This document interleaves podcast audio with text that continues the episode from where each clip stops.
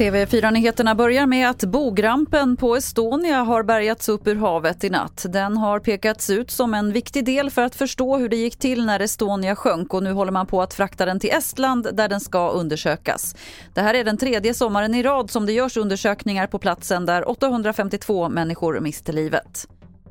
Polisen utreder ett misstänkt mordförsök efter att en man i 30-årsåldern hittades knivhuggen i ett parkeringsgarage i Barkarby norr om Stockholm sent igår kväll.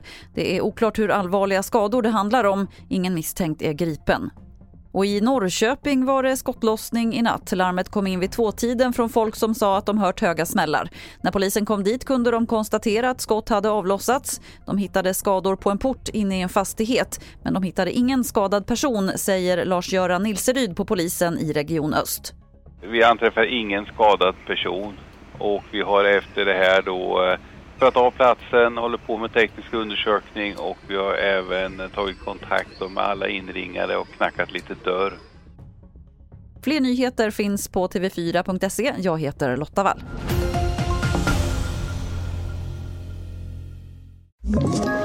Ett poddtips från Podplay.